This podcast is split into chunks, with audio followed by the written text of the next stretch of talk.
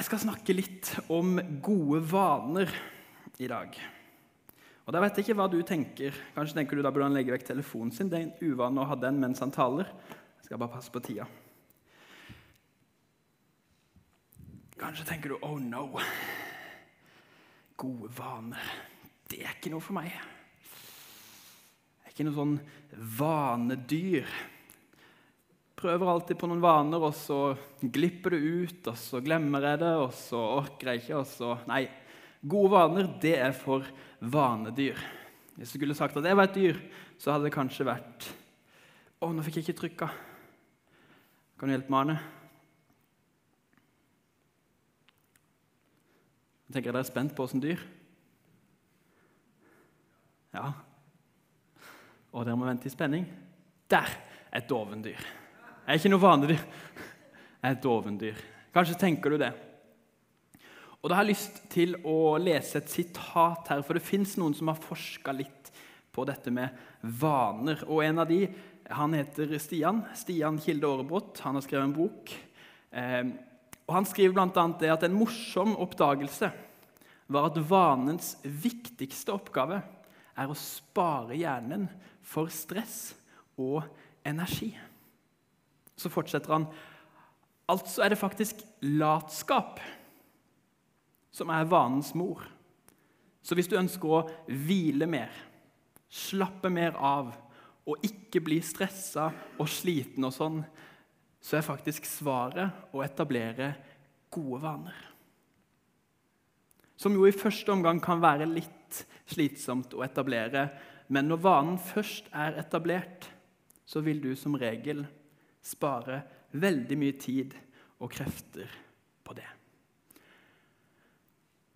Gode nyheter til både vanedyr og dovendyr. Vaner, det er for alle. Og enten målet er å slappe av mer, eller målet er å etablere gode vaner, så tror jeg at vi kan lære noe eh, om gode vaner, og jeg tror vi kan lære noe av Jesus om gode vaner. Vi skal se på et par eksempler fra Bibelen. I Lukas evangeliet, kapittel 4, vers 16 og 17, så står det om Jesus at han kom også til Nasaret, hvor han var vokst opp. Og på sabbaten, hviledagen, så gikk han inn i synagogen slik han pleide. Slik han hadde på vane å gjøre. Da han reiste seg for å lese, rakte de ham profeten Jesajas bok. Jesus pleide altså å være i synagogen på sabbaten. Det var en vane i Jesus sitt liv. Når sabbaten kom, så søkte han til menigheten. Og Her er det jo mange som har søkt til menigheten i dag på søndagen, på vår hviledag. Og Kanskje har du det som en godt etablert vane. At på søndagen da er det for noen opp tidlig, og så skal vi i kirka. Et annet sted i Bibelen så står det 'hold dere ikke hjemme når menigheten samles'. Det er en god vane å komme i kirka på søndagen.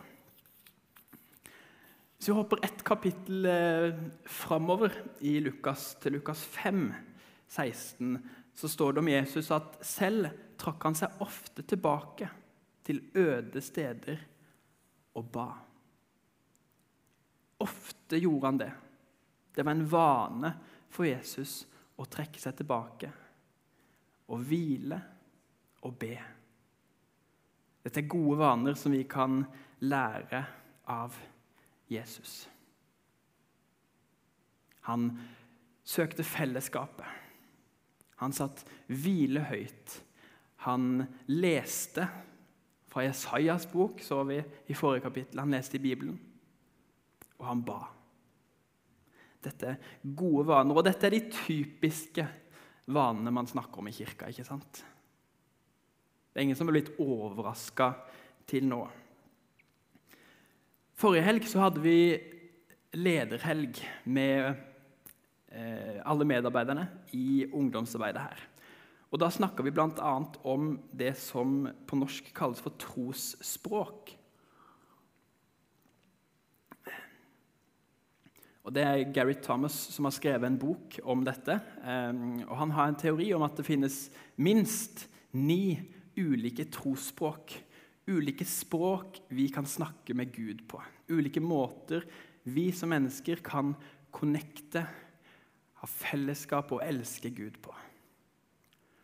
Og bønn og eh, bibellesing og hvile det er inni noen av disse trosspråka. Og veldig Mange her kjenner seg sikkert igjen i noen av disse og tenker at yes, dette er gode måter å bli kjent med Gud på. Dette er gode måter å ha fellesskap med Gud på. Og Jeg tror at dette er bibelsk å be og lese i Bibelen. Så jeg sier ikke at vi ikke skal gjøre det. Det tror jeg er for alle. Men for noen så er det litt ekstra. Og for andre så fins det andre ting som kan være like givende. Et av trosspråkene er bl.a. Eh, omsorgsgiveren. Å elske Gud gjennom å vise omsorg til andre mennesker. Og Kanskje hvis du kjenner at yes, det traff meg litt Kanskje du skal etablere en vane da, om at eh, hver tirsdag etter jobb så ringer jeg på hos naboen som jeg vet er litt ensom, og så spør jeg om jeg kan komme inn og ta en kopp kaffe. Så er jeg der en halvtimes tid før jeg går hjem. Eller kanskje er du mer handy og tenker at ok, hver gang jeg klipper plenen, så kan jeg klippe naboens flekk òg.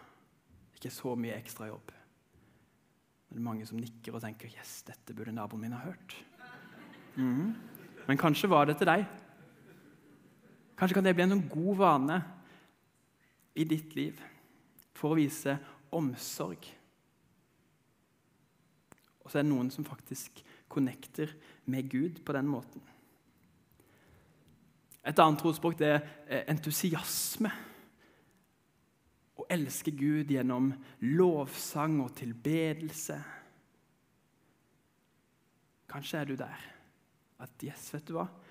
Bilen, på vei til og fra jobb to, dag, to ganger om dagen, fem dager i uka, så skal jeg høre på lovsang og bare tilbe Gud. Det skal bli en vane i mitt liv.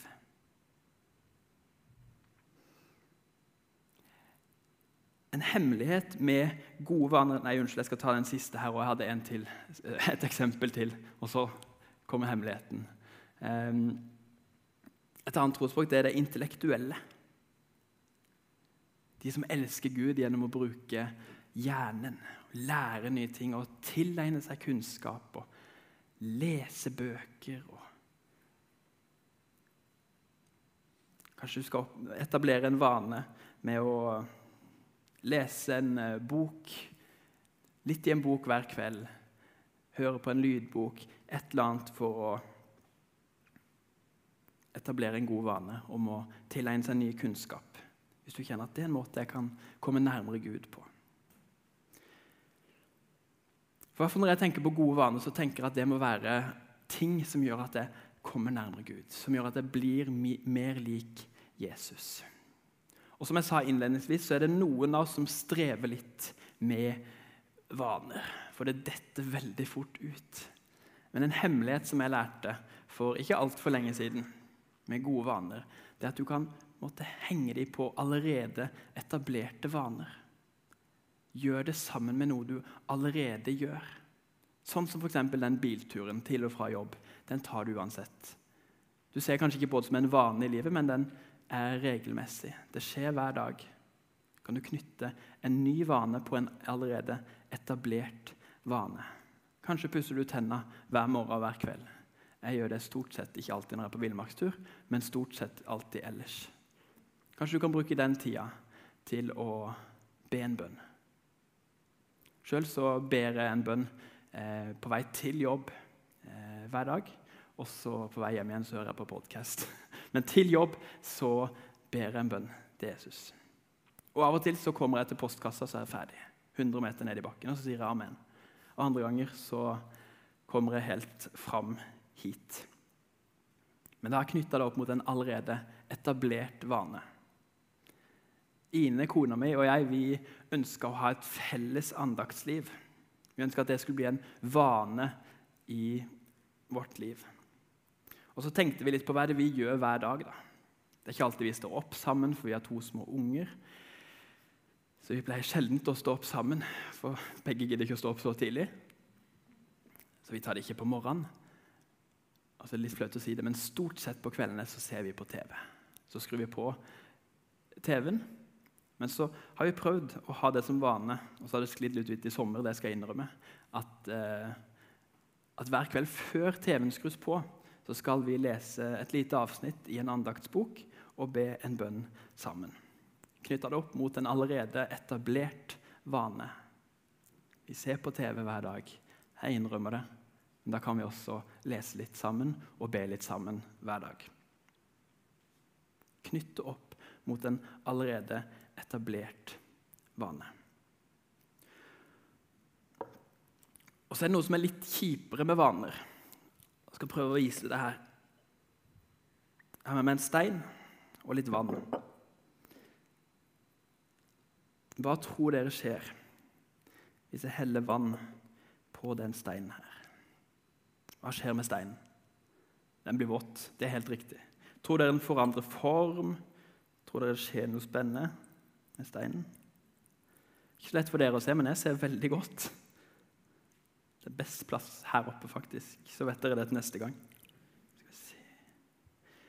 Det skjer faktisk ingenting annet enn at den blir våt. Steinen beholder samme form, like hard og alt sånn. Så er det kanskje noen av dere som har lurt på hvorfor jeg har bilder fra Grand Canyon. Når jeg skal snakke om vaner. Det handler om at vaner det forandrer oss, men det tar av og til veldig lang tid. For sånn som jeg har forstått det, når jeg ikke er noen ekspert, så har, så har Grand Canyon blitt til ved det som vi i naturfagen lærte som erosjon. Ikke noe annet som ligner. Erosjon. Og altså Vannet her, som renner i midten, det har rent der så lenge og gått lenger og lenger og lenger ned. Litt vann av og til, det gjør ikke så stor forskjell. Men regelmessig vann, gode vaner over lang tid, det kan utgjøre stor forskjell. Og så tror jeg at Gud er sånn at han kan gripe inn umiddelbart. Og Kanskje etablerer du nå en vane med å lese Bibelen hver morgen. Og så kan det være Gud møter deg sterkt første gang du gjør det. For sånn er Gud. Han kan det. Men kanskje er det også sånn at du gjør dette hver dag i fem år, og så har du liksom ikke merka noe sterkt noen dag, men så ser du tilbake, og så ser du at ok, men her har det skjedd litt og litt og litt. Og så har jeg blitt forvandla. Det har skjedd noe pga. den vanen. Jeg tror gode vaner er viktige, både for vanedyr og for dovendyr. Jeg tror gode vaner kan bringe oss nærmere Gud. Jeg tror gode vaner kan gjøre oss mer lik Jesus. Og det tenker jeg er god nok grunn til å prøve å etablere noen gode vaner. Så det er dagens utfordring. Prøv å etablere noen gode vaner. Og henger de på allerede etablerte vaner, så er de vanskeligere å glemme. Vi skal be en bønn, og så skal vi lovsynge mer. Kjære Jesus, jeg takker deg for at du har vist eh, ved eksempel at eh, gode vaner er viktige. Hjelp oss til å følge ditt eksempel, til å etablere gode vaner. Hjelp oss til å komme nærmere deg, Gud, og til å bli mer lik deg, Jesus. Amen.